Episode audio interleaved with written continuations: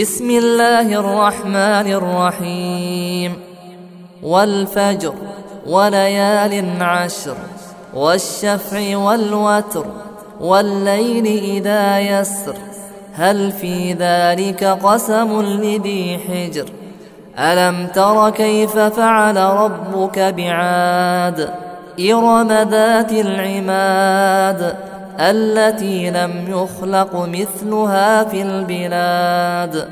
وثمود الذين جابوا الصخر بالواد وفرعون ذي الأوتاد الذين طغوا في البلاد فأكثروا فيها الفساد. فصب عليهم ربك سوط عذاب. إن ربك لبالمرصاد. فأما الإنسان إذا ما ابتلاه ربه فأكرمه ونعمه فيقول ربي أكرمن. واما اذا ما ابتلاه فقدر عليه رزقه فيقول ربي اهانن كلا بل لا تكرمون اليتيم ولا تحاضون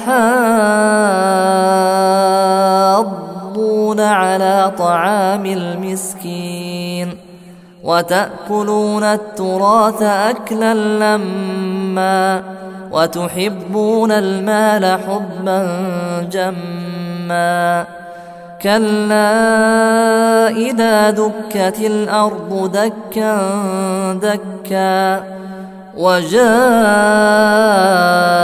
ربك والملك صفا صفا وجيء يومئذ بجهنم يومئذ يتذكر الإنسان وأنى له الذكرى. يقول يا ليتني قدمت لحياتي فيومئذ لا يعذب عذابه أحد ولا يوثق وثاقه أحد. يا أيتها النفس المطمئنة ارجعي إلى ربك راضية مرضية. فادخلي في عبادي وادخلي جنتي.